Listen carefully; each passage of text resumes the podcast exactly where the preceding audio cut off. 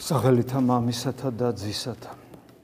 და სული საწმინ ადამიანის ღვთის მსგავსება და ხატება შესაბამისად მისი გონიერება და პოტენციური ღვთისშვილობა და პოტენციური მადლით ღმერთობა ერთ-ერთი რაშიც ყველაზე მეტად ვლინდება ეს არის ის რომ ადამიანს აქვს სიტყვა. სიტყვა როგორც არაუბრალოდ კომუნიკაციის საშუალება არამედ როგორც ერთგვარი არსი ონტოლოგიური არსი ადამიანის შინაგანი მარადიული სამყაროსი რომელიც აქ ამ ქვეყანაზე ამ სამყაროში მატერიალიზაციას განიცდის, ანუ მატერიალიზაცია ხდება. და ჩვენ რადგან მატერიალიზაცია ხდება, ჩვენ ვფიქრობთ ხშირად, რომ მას ისეთი პრინციპული მნიშვნელობა არ აქვს და ამიტომ სამწუხაროდ ჩვენ არ ვფიქრდებით, რას ვლაპარაკობთ, რას ვამბობთ, როგორ მეტყველებთ, რას წერთ და ასე შემდეგ.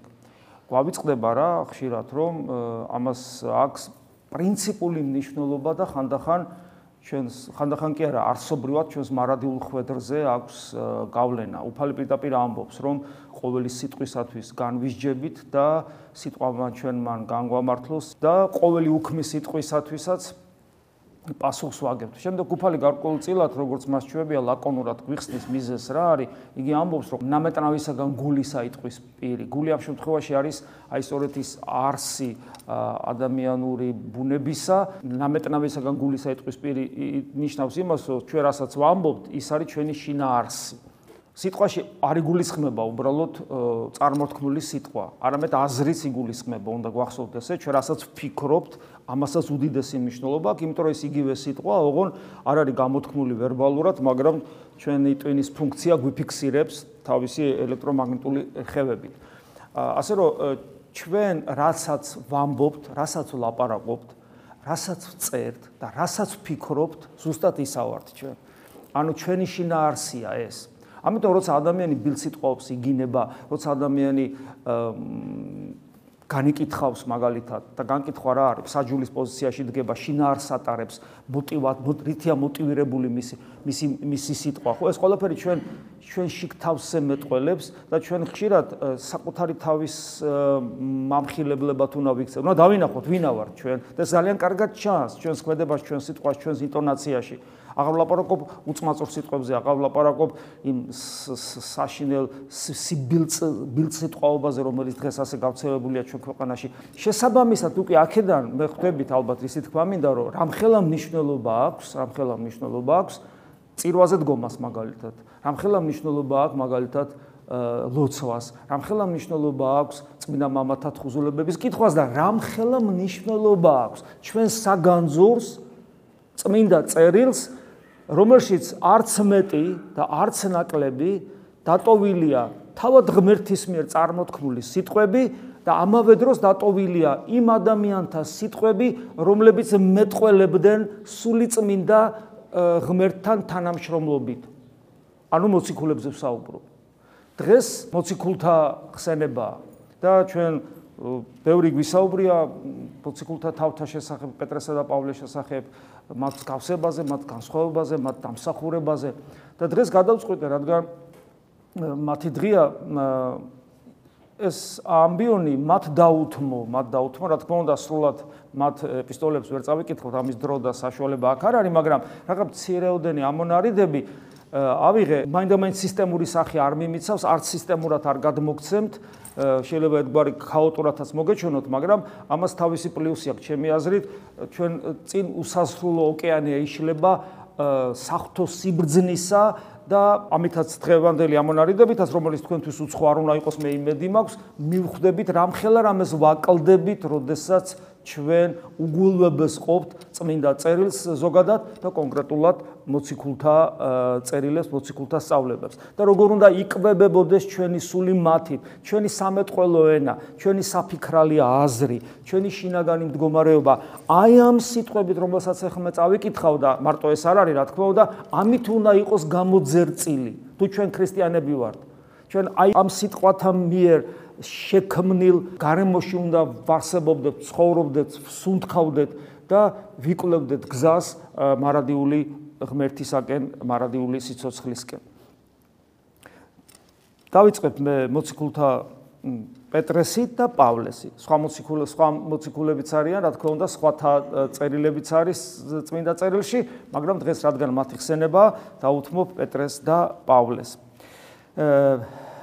პეტრე მოციქული. პირველი ეპისტოლე.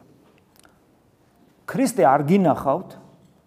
აქ ჩანს პეტრეს ერთგვარი ესეთი განცდა მაქვს, რომ კარგი გაოცება ჩანს. პეტრე ხო უნახავს ქრისტე. პეტრე ხო მისი ერთ-ერთი უსაყვარლესი მოწაფეა, ხო? და რამდენი ისტორია გვახსოვს სახარებიდან და წარმოგიდგენიათ რაც არ დაიწერა და სახარებაში ხო ის ემოციური ფონი არა ჩანს, ადამიანური ემოციური ფონი. ხო როგორი იყო, ხო? ეს ამ დრო ემოციის დაგზნობის გარეშე ხო ადამიანი არ არსებობს, მაგრამ არ ჩანს და მიუხედავად ამისა თითქოს მაინც ჩანს. აი ამაში, იმიტომ რომ პეტრე განცვიფრებულია. თვითონ თვითონ უყვარს ქრისტე, რა თქმა უნდა უყვარს, რა თქმა უნდა. მან იცხოვრა მასთან ერთად, მან ბევრი დააშავა კიდევაც მის წინაშე, შენდობაც მიიღო, მან ყდათით აღდგარი მაცხოვარი ნახა, ხო? რამდენი რამ რამდენი რამე იცის პეტრე. და ჩვენ გვეუბნება, ქრისტე არ გინახავთ და გიყვართ. ვერც ახლა ხედავთ, მაგრამ გწამთ და ენით უთქმელი და დიდი სიხარულით ხარობთ. ისე პეტრე ხედავს რომ როგორც მას უხარია და როგორც თვითონ არის ბედნიერი ეს ხალხი ვისაც არ უნახავს ისიც ასია გახარებული და ბედნიერი. რატომ? რატომ? იმიტომ რომ იქ სრულდება ის საოცარი სიტყვები უფლისა. მიხილე და გწამს. და ნეტარია ვისაც არ უხილავ და წმენე თომას რო ეუნება ეს პეტრეს სიტყვები პეტრეს ხო ახსოვს ეს სიტყვები თომას რო უთხრა. აი ეს არის და პეტრეს პეტრე გახარებულია კეთილად განცვიფრებულია ჩვენ ამ ადამიანთა კატეგორიაში შევდივართ ვისაც არ გვინახავს, მაგრამ გვიყვარს და ვერც ახლა ვერ ხედავთ, მაგრამ გწამთ და როგორ დასტურდებას? მე მწამს სიტყვიერად, არა. ენით უთქმელი სიხარულით ხარობთ. აი ამაშია საქმე.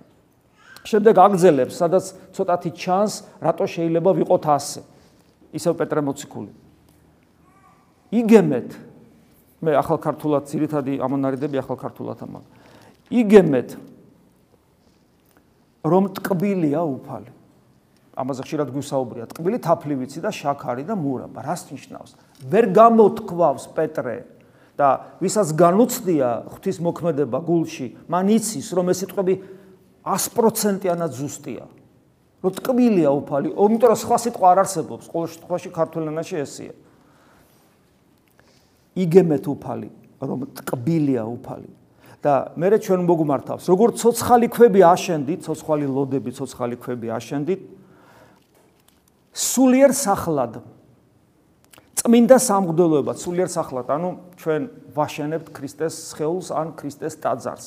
ჩვენ ლოდები ვართ ჩვენ ვაშენებთ. ჩვენ ორი განმარტება ქრისტეს ეკლესიას ქრისტეს სხეული და სულიერი სახლი ერთ შემთხვევაში უჯრედები ვართ მეორე შემთხვევაში ცოცხალი ლოდები ვართ. და ჩვენ ცოცხალი ლოდები ცოცხალი ქვები ვაშენებთ ქრისტეს სახლს რომელიც არის ეკლესია. ანუ ქვის ეკლესია კი არა, ჩვენ ჩვენს მიერ აშენებული ეკლესია. მე რეგვეუნება წმინდა სამღვდელოებად და სულიერი მსხვერპლის შემწირველად. ანუ ესე წარმოვჩინდებით, თითოეული თქვენგანი სამღვდელო დასია. ეს სიტყვები ბევრგან მეორდება წმინდა წერილში. სამღვდელო რას ნიშნავს? და განგვიმარტავს სულიერი მსხვერპლის შემწირველად. როგორ უნდა შესწიროს თითოეულმა თქვენგანმა მსხვერპლი? მსხვერპლის შეწირვა ხდებოდა საკურთხეველში, ტრაპეზზე.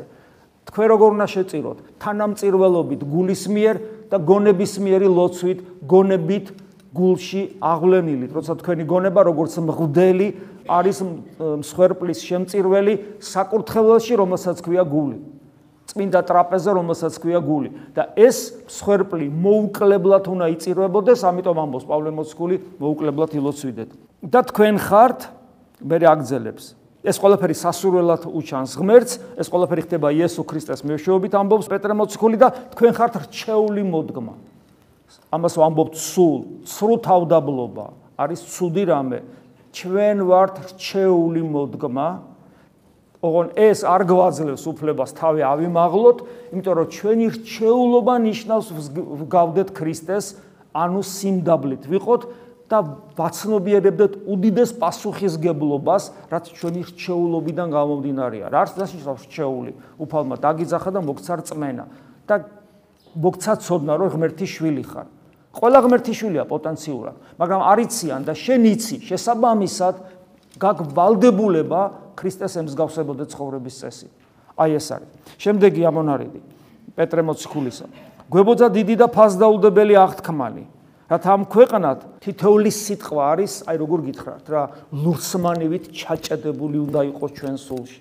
მე მენანე მე არ ვიცი ხა როგორ მოვახერხებ, შეიძლება გავწყვიტო შუა იმის დროს, იმიტომ რომ შეიძლება ბევრი დრო წაიღოს და არ მინდა ეს დიდი დრო წაიღოს, მაგრამ თითოეული სიტყვა არის, ხო გეუბნებით, აი ლურსმანივით უნდა იყოს ჩაჭედებული ჩვენ შულში, მძიმეა თითოეული სიტყვა. თითოეული სიტყვა უფსკულივით ღრმა არის წმინდა წერილისა, რომელიც ჩვენ მაინდა-მაინც არ გვიყვარს და არ ვკითხულობთ ხოლმე.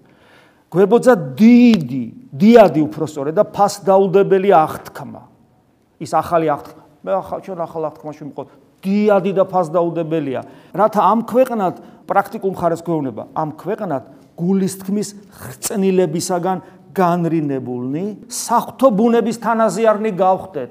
ეს არის საიდუმლოება, რომელიც არ იხსნება თეოლოგიურად. რატომ არის ეს გაუგებარი? ეს ნიშნავს, როგორც კი შენ საფრთხო ბუნებას ეზიარები, ღმერთი ხდები. შენსა და ღმერთ შორის განსხვავება აღარ არის. იმიტომ რომ შენ შენ და ღმერთ საერთო ენერგია გაქვს. ამას ეკლესია გვასწავლის მათ შორის მაქსიმი აღსარებელი. და საოცარი სიტყვები, რომელიც თქვენ იცით. გვაქვს უმტკიცესი წინასწარმეტყველური სიტყვა. და კარგად იქცევით ისე რომ ესწრაფვით მას როგორც წყდიაჩი მანათობელ საანთელს და უფთხილდებით მას როგორც საანთელს. სადამდე ვიდრე განათლდებოდეს, ირიჟრაჟებოდეს, განათდებოდეს და თქვენს გულებში ამობწყინდებოდეს ცისკრის ვარსკვლავი, ანუ როგორც განმარტავენ მზე, აი ეს წმენა, წმენა რაც ხშირად გვითხოვს, ეს არის ჩვენში ანთებული სანთელი, რომელიც მზეთ უნდა გადაიქცეს. პავლე მოციქული. ხორციელად ყოფი კი არა ხართ თქვენ, არამედ სულიერად. თუ კი სული რა შემთხვევაში? თუ კი სული ღთისა დამკვიდრებულია თქვენში, თუ არა და არა. მაგრამ ვისაც ქრისტეს სული არა აქვს საკუთარ თავში, იგი არც არის მისი ქრისტესი. ღვთის ზია ყველა ვისაც ღვთისული წარმართავს. ღვთისული თუ წარმართავს ქრისტეს გავხარ გავიგოთ ეს ერთხელ და სამუდამოდ. ჩვენ გვაქვს ილუზია რომ წარმართავს ღვთის სული მაგრამ ქრისტეს არ უგავართ არ უგავართ ადამიანებს არ უყურებთ ქრისტეს თვალებით ადამიანებს უყურებთ საკუთარი სიმართლის თვალებით. სანამ მე მოყვას საკუთარი სიმართლის თვალით უყურებ ჩემში ქრისტეს სული არ არის. იმიტომ რომ მე არ ვიცი რა არის ღვთის სამართალი. ამიტომაც ვითხოვ მე იყავნება შენი. ამიტომაც ამიტომაც მე ჩემთვის ორიენტირი იესო ქრისტეა და შენ იმ წამსო თუ წმინდა წერილს იცნობ და თუ შენში შენში პატარა ოდნავი გამოცდილება მაინც არის მოყვასისადმი დამოკიდებულებით იმ წამსო მიხვდები შენში არის თუ არა ღვთისული. ღვთისზია ყველა ვისაც ღვთისული წარმართავს. რადგან მონობისული როდი მიგიღიეთ, არამედ ძეობისული. თუ შენში ღვთისულია, მონა არა ხარ, ძე ხარ და ამ ძეობისული დღაღადებ აბა მამაო, ანუ მამაო ჩვენოში რო ამბობ მამაო, ეს იმ შემთხვევაში რეალიზდება, თუ შენში ღვთისულია და თუ შენში ღვთისული არ არის, ეს სიტყვა მამაო არის ტყუილი. ამიტომ როცა ჩვენ მამაოს ვამბობთ, დიდი საშიშროების წინაშე ვდგავართ, რომ ჩვენი სიტყვა არ იყოს ტყუილი, ამიტომ არის წირვის დროს, სანამ მამაოჩონო სიტყვის მგდელი ან გალობელი ან მკითხველი ან ერთად ხო, მამაოჩონო როცა ითქმება, მანამდე მგდელი შენდობას თხოვს ხელაპყრობით იმ კადნიერებისათვის, რომ მას მამა უნდა უწოდეს. ეს არის კადნიერება. კადნიერება და თავხედობა თითქმის ზღვარზეა, ხო, ხო იცით? ანუ ეს კადნიერება. გესმით, ეს ძალიან მნიშვნელოვანია. ჩვენში ღვთის სულით შეგვიძლია ვთქვათ მარტო რომ ამაო. და სწორედ ეს სულივე ეს სული რომელიც ჩვენში არის ძეობის სული ანუ ქრისტეს სული ემოწმება ჩვენს პირად სულს. მოწმობა მოწმობა დასტური რომ ღვთისშვილები ვართ ანუ ღვთისშვილობის განცდა ჩვენში შინაგანი მოწმობაა რომელიც დასტურდება მოყვასთან ურთიერთობით. აი ეს არის. ხოლო თუ შვილები ვართ აგზელებს პავლე მოციქული მაშინ მემკვიდრეები ვართ. ღვთის მემკვიდრეები, ქრისტეს თანამემკვიდრეები, ანუ სადაც არის ქრისტე იქ ვიქნებით. ანუ ყოვლადწმინდა სამების წიაღში მარჯვენით მამის. ხედავთ რა საოცარ ამეს ამბობს პავლე მოციქული. ღვთის სიბზნეში რო ვერ შეიცნო ღმერთი ქვეყანამ თავისი სიბზნით ღმერთმა ინება და სისულელის ეს ხშირად მომყავს უმე თქვენთვის ეს მაგალითი.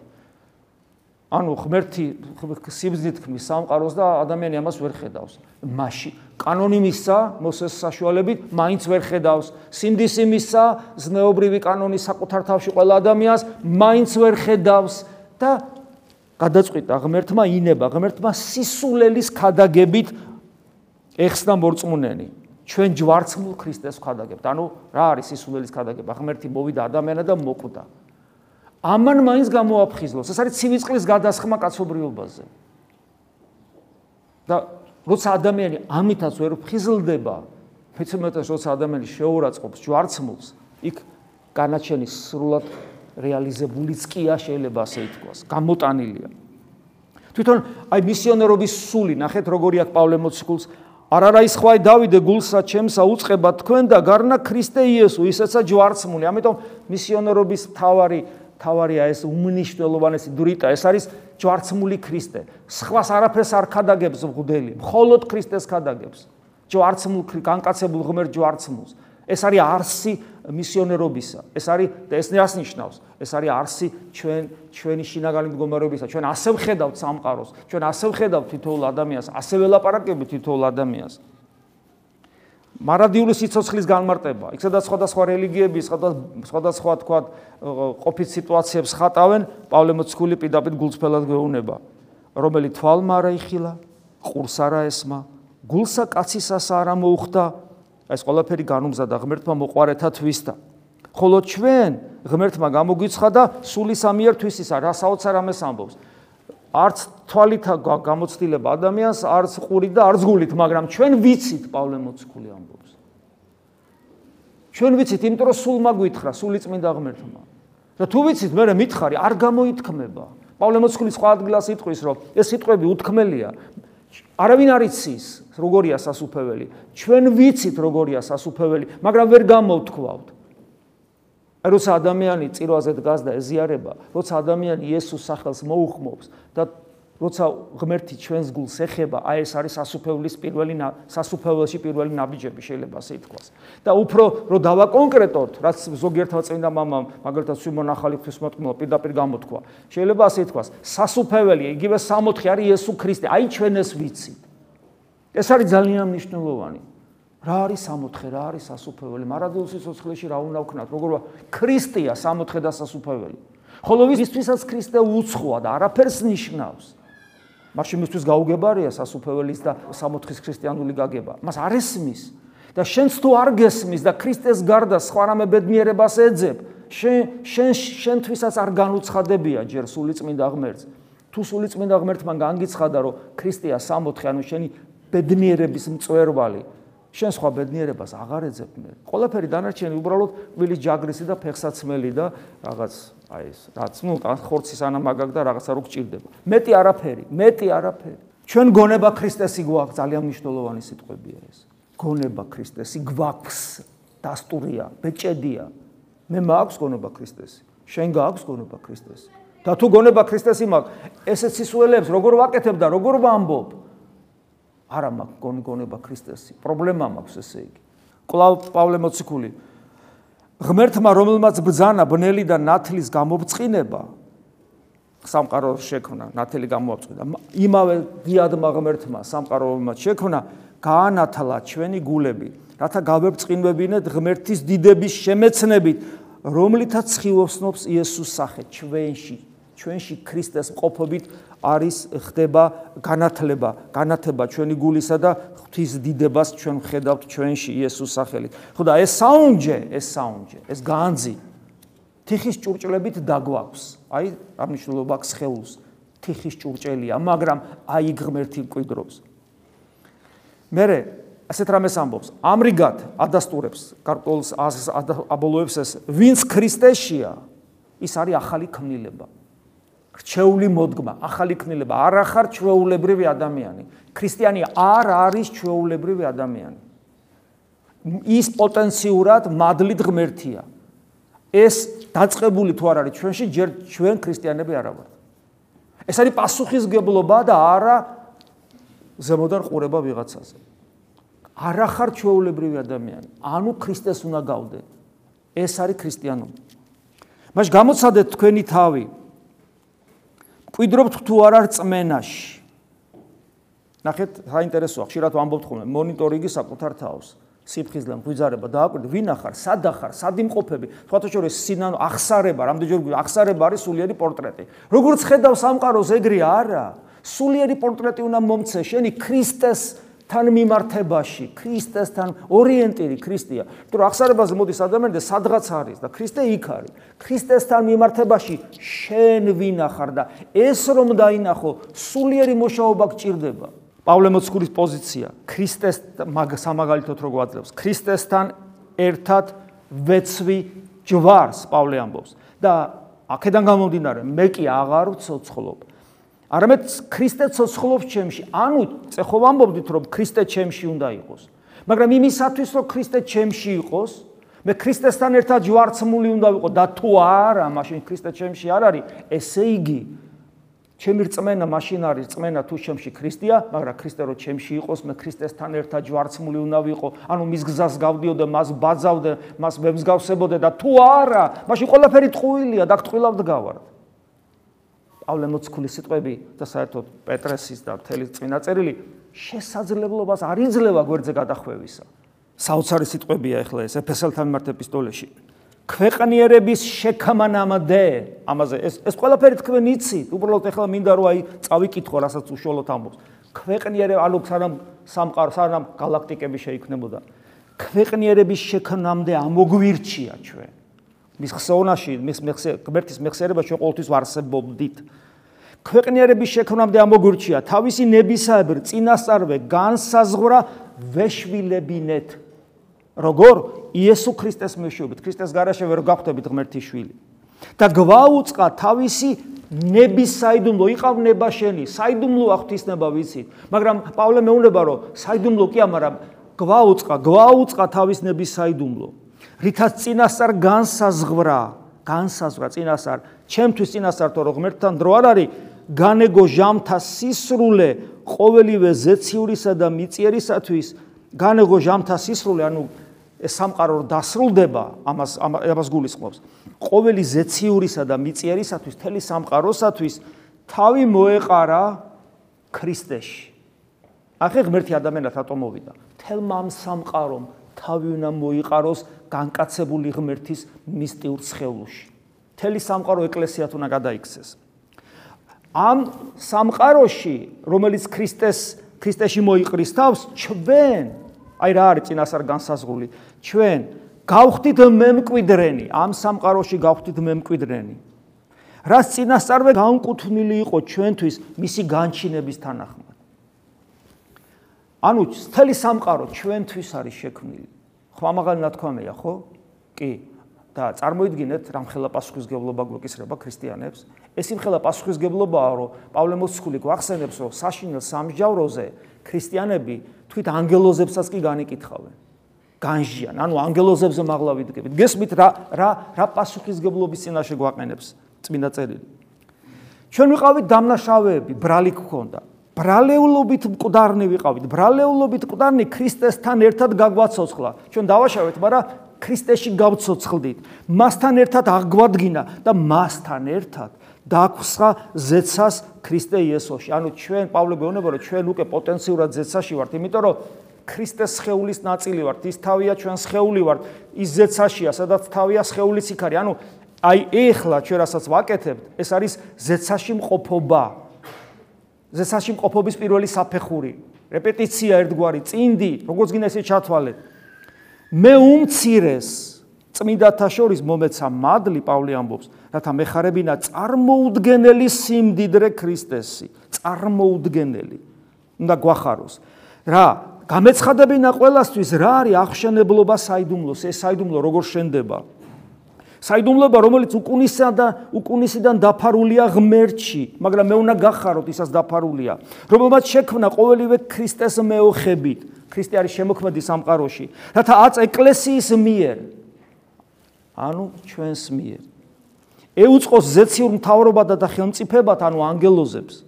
ღვთის მრავალფეროვანი სიბძნე, ანუ ანგელოზები ღვთის სიბძნეს ეკლესიის მეშვეობით იგებენ. ეკლესიის მეშვეობით გაიგეს და რომ ღმერთი როგორია, ღმერთი რომ სამებაა, ღმერთი რომ განკაცნა და ასე შემდეგ. რომ თავისი დიდების სიმდიდრისაებ მოგცეთ თქვენ ძალა, რათა მისი სულის, მისი სულით მткиცეთ დამკვიდრდეთ. რა ძალას გვაძლევს ახლა ღმერთი? რომ მისი სულით, ანუ მისი ენერგიით, მისი მადლით რისთვის გვაძლევს ამ ძალას და ენერგიას? მткиცეთ, რა ამткиცეთ? დაუმკვიდრდეთ შინაგან კაცში. ისევ ისევ ამაზეა საუბარი. შინაგან კაცში. ჩატრიალდეს ყველაფერი 6-4 შიგნით საძიებელია. შინაგანკაჩი და ქრისტემ რწმენის მეშვეობით ქრისტემ რწმენის მეშვეობით დაიმკვიდროს თქვენს გულებში. ანუ კვლავ გულზე ამითითება და ამით აღვივსებით ღვთის მთელი მადლი. მერე პავლე მოციქული საოცარი სიტყვები. ჩემი ცხოვრება, ანუ ჩემი ცხოვრება სადას ნახავთ, ეს არის სიცოცხლე, ახალ ქართულად ესე ითარგმნება. ჩემი სიცოცხლე ქრისტეა, პავლე ამბობს. და შედეგად ამას რა მოყვება გახსოვთ ეს სიტყვები. ხოლო აქედან გამომდინარე სიკვდილი არის შესაძინელი. პავლე მეუნება რომ აღარ არსებობს სიკვდილი, ჩემში როცა არის სიцоცხლე, შიგნით, ანუ იესო ქრისტე, სიკვდილი აღარ არსებობს ჩემთვის. ჩემთვის არსებობს ჩხილის მოჭრა. ანუ სხეული ცოტა ხანი დავდე. მე იმ სხეულს განმიახლებს, მეორედ მოსვლა არსებობს და აღდგომა არსებობს. მაგრამ ცოტა ხანი დავდე, რომელსაც ისევ მივიღებ, მაგრამ მაგრამ თავარისა რომ მე აღარ მკვდები და მრავალ ადამიანს ვისაც სულიერი ცხოვრების გამოცდილება აქვს, ვისაც გონების მიერი ლოცვის, შინაგანი ლოცვის გამოცდილება აქვს, მრავალ ადამიანს ღმერთი უცხადებს, აი ამ ჭეშმარიტებას პირადად კონკრეტულ ადამიანებს უცხადებს, რომ არ აღარ არსებობს სიკვდილი, არსებობს გარდაცვალება და გარდაცვალების რეპეტიციას ადამიანი ჯერ კიდევ ხორჩი მყოფი გადის და ამიტომ მას სიკვდილის აღარ ეშინია. ეს არის აი მოწამეობრივი ღვაწლი რო გვიყვეს რომ როგორ არაში არ ეშინია, იმიტომ რომ მან იცის ეს რა არის. თეორიულად კი არა, პრაქტიკულად იცის და დღეს ამის გაკეთება შესაძლებელია გონების მიერი ლოცვით. შეიძლება ღმერთმა ინებოს და მოგცეს ეს გამოცდილება. რა იქნება გარდაცვალების ჟამს? ისე იცხოვრეთ როგორც შეფერის ქრისტეს სახარებას. იგივე ზრახვები გქონდეთ როგორც ქრისტე იესოს, მაგარია. იგივე აზრები გქონდეთ როგორც ქრისტეს აქვს. აბა როგორია მითხარით ეს? ეს ვალდებულებაა და პავლე გვეუბნება, იგივე აზრები გქონდეს შენ თეოდორე როგორც ქრისტეს აქვს. აი ეს იესოს ლოცვის ერთ-ერთი ძალმოსილება ჩანს. სახელითა მიმართ იესო ქრისტესის და ყოველი მუხლი მოდრკეს ზეცისათანი, ქვეყანისათანი და ქვესკნელითანი. ამიტომ ეშინია ეშმაკს ჩემს ვნებებს და ამასოფლის სულს რომელიც ცდილობს თავის ჭკუაზე მატაროს ეშინია და ჩემს დაცემულ ინტუიციას ეშინია იესოს ლოცვის. რაც ჩემთვის სარგო იყო ამ ქვეყნიური სასარგებლო, ზარალად შევრაცხე. რატო? ქრისტეს გულისათვის შევრაცხე ზარალად. ყოველივე დანარჩენი ზარალად შემირაცხავს იმ უზენაე სიკეთესთან შედარებით, რასაც ქვია ჩემი უფლის ქრისტეს შეცნობა. ქრისტეს შეცნობა რომ არის ჩემი მიზანი, ყველაფერი არის მორჩა. ზარალი რა არის? ანუ ხელს მიშლის, ყველაფერი ხელს მიშლის, შეეულის კი ხელს უშლის ადამიანს ხანდახან. რისთვისაც ვიზარალე ყოველი და უფრო მძაფრად ამბობს, ყველაფერი ნაგვად მიმაჩნია.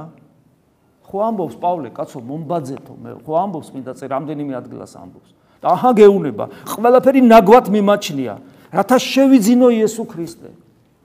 რათა შევიცნო ისის და მისი ისიც შევიცნო ქრისტე, ანუ ისიც მისი აღდგომის ძალას, შევიცნო შიგნით მის აღდგომის ძალას და თანაზიარობაც მისი ვნებებისა, ანუ ჯვარცმული ქრისტეს ერთგულები იყო, ვებსგავსო მის სიკვდილს ამგვარად, ხოლოდ ამგვარად რომ მის სიკვდილს ვებსგავსები, ამგვარად მივწვდე მკვდრეთით აღდგომას. ადამიანი ამას რო ისმეს, ცოტა შეშფოთდება, იმიტომ რომ სიკვდილს მივბაძო ჯვარცმულს და და უცებ პავლე მოციქული აგზელებს, ჩვენი მოქალაქეობა ზეცაშია.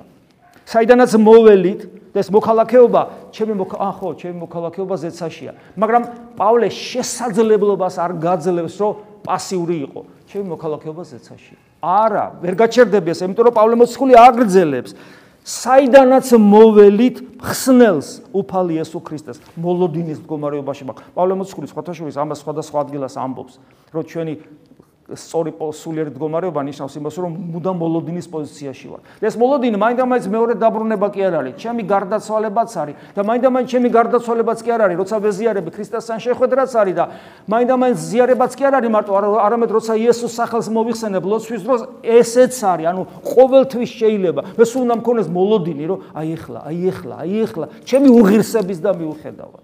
ადამიანი ცეცხლი ხდება, ეს ამას ნიშნავს. ცეცხლის ამოვეთ მოფანად მოფენად ქვეყანას აზედა და მნებავს აწყვე აღეგზნას და ეს ქვეყანა სადაც უნდა ცეცხლი აღეგზნას ეს არის ადამიანთა გული და თუ შენში ეს ცეცხლი არსებობს შვიდად როგორ იქნები? შვიდად გულისხმობა ეს ცუდი გაგები შვიდად რა გაზარმაც გულარხეინა. ხო გულარხეინად უდარდელად როგორ იქნები? ვერ იქნები უდარდელად და გულარხეინად აბა აბა მაშინ ცეცხლი როგორ აგაქვს? და თუ ცეცხლი გაქვს ვერ იქნები და თუ მშვიდა და გულარხეინად ხარ და თუ ხო ნუ აი რაღაც წესებს ასრულებ რელიგიურს და ხო ნუ გარდაცვალება როცა იქნება მოვა და ხო როგორც იქნება მას ხო შენ ქრისტიანი არ ხარ კაცო. ცეცხლი არ აგაქვს შიგნით. მარადის გიხაროდენ მოუკლებლად ილოცვიდეთ.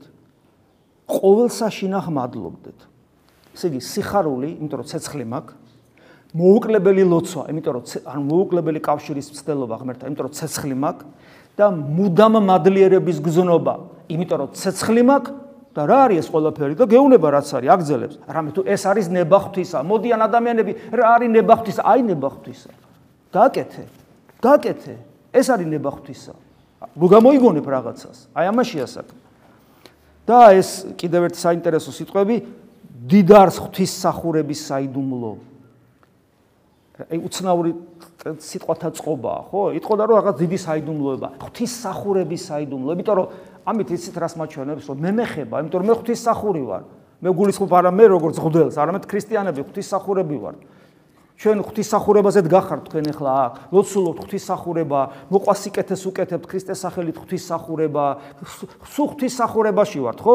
და ეს ღვთისახურება დიდ საიდუმლოებას ატარებს. იმიტომ რომ სხვა რელიგიის წარმომადგენლებიც ღვთისახურია, ხო? ესე რო კითხო, ხო? სხვა რელიგიის რელიგიის ხო იგი ღვთისახური ვარ, ღმერთს ვემსახურები, ხო? მაგრამ ნახეთ პავლე მოციქული რა საინტერესო რამეს ამბობს. ჩვენი სახურება საიდუმლოებრივია და რატომ არის საიდუმლოებრივი? იმიტომ რომ აგძელებს ღმერთი გამოჩნდა ხორცით. ანუ კონცენტრირებულია იესო ქრისტეს. კონცენტრირებულია. ის ანუ იესო ქრისტე არის ყოვლის უწინარესი, ანუ ამით მეანიშნავ ღმერთია. ყველაფერი მისი მეოხებით დგას. აი ატომი რო არსებობს ატომ პროტონის გარშემო რო ელექტრონი ტრიალებს ესეც მისი მეოხებით დგას ეს არის მუდმივი ღმერთი არის მუდმივი მყრობელი მუდმივი შემნახავი სამყაროსი სამყაროში არსებული კანონების მუდმივობის გარანტი აი ეს არის ღმერთი აი ეს როზის ხომე ტახსა და ხელი რო უპყრია ყოვლის მყრობელი მარჯვენა ეს ნიშნავს იმას რომ ყველაფერი ხელთ უპყრია ყველაფერი მის ხელშია ყველაფერი მისი მეოხებით დგას. ის არის თავი, გარდა ამისა, ეხლა გარდა ამისა, ის არის თავი ეკლესიის, ანუ ჩვენი თავია. და პავლე ამბობს, მე, პავლე ამბობს, მისი მსახური გავხდი ღვთის განგებულებით, ანუ ჩემით კი არა, მისი ვენებით გავხდი, რომელსაც ყველაფერი ხელთ უპყრია, მისი ვენებით გავხდი მისი მსახური. რატომ? რათა აღვასრულო ღვთის სიტყვა, ეს იცით მე ბერჯელ მომაკ ეს ციტატა, მაგრამ უბრალოდ დიდებულება არ შემელო კიდევ ერთხელ არ მისულიყავი ამასთან. ანუ რატო გავხდი ღვთისმსახური? ღვთისგანგებულებით. რათა აღვასრულო ღვთის სიტყვა. საიდუმლო. ესე იგი რაც სამყარო შეიქმნა, იქმნებოდა იქიდან მოყოლებული მთელი ეს თაობები რაც არსებობს, ეს ეს ცოდნა იყო დაფარული. და პავლე ამბობს, მე ეს საიდუმლო უნდა განგიცხადოთ. ხოლო აწეს ეს საიდუმლო განცხადებულია და თავს იმდაბლებს მარტო ჩემთან კი არ არის განცხადებული ამბობს განცხადებული მისი წმინდანებისათვის ანუ ჩვენთვის ყველასთვის რომელთაც ანუ ჩვენ ყველას უკვე პავლემოცკული თავიდან იწყებს და მე ყველაზე გადადის ჩვენ რომელთაც ანუ ჩვენ ღვთის ნებით ღვთის ნებით ეუწყა ანუ წმინდანებს ანუ ჩვენ გვეუწყა ღვთის ნებით რა არის სიუხვე ანუ სიმდიდრე ამ საიდუმლოსი, რომელიც უნდა გაუწყოთ ახლა. და რა არის ასევე დიდება ამ საიდუმლოსი? ეს არის ქრისტე თქვენში. ეს არის ანი და ჰოე ქრისტიანობის. მადლობა დიდ მოციქულებს პეტრეს და პავლეს დღევანდელი დღისთვის, რომ კიდევ ერთხელ მათი სიტყვებით ვიყავით დამოძღვრილნი და კიდევ ერთხელ ჩვენს არსებას მოეცა საშუალება რომ განწმენდილიყავით ამ დიდებული სიტყვებით და კიდევ ერთხელ მოგვეცა საშუალება, რომ იქ სადაც ორიენტირი არეული გქონდათ, დამდგარიყავით იმ გზაზე, ვიწრო და ეკლიან გზაზე, რომელსაც ქვია იესო ქრისტე. ამინ. მადლი უფლისა ჩვენისა იესო ქრისტეს და სიყვარული ღვთისა და მამისა და ზიარება სული საწმინდისა იყოს თქვენ ყოველთა თან. ამინ.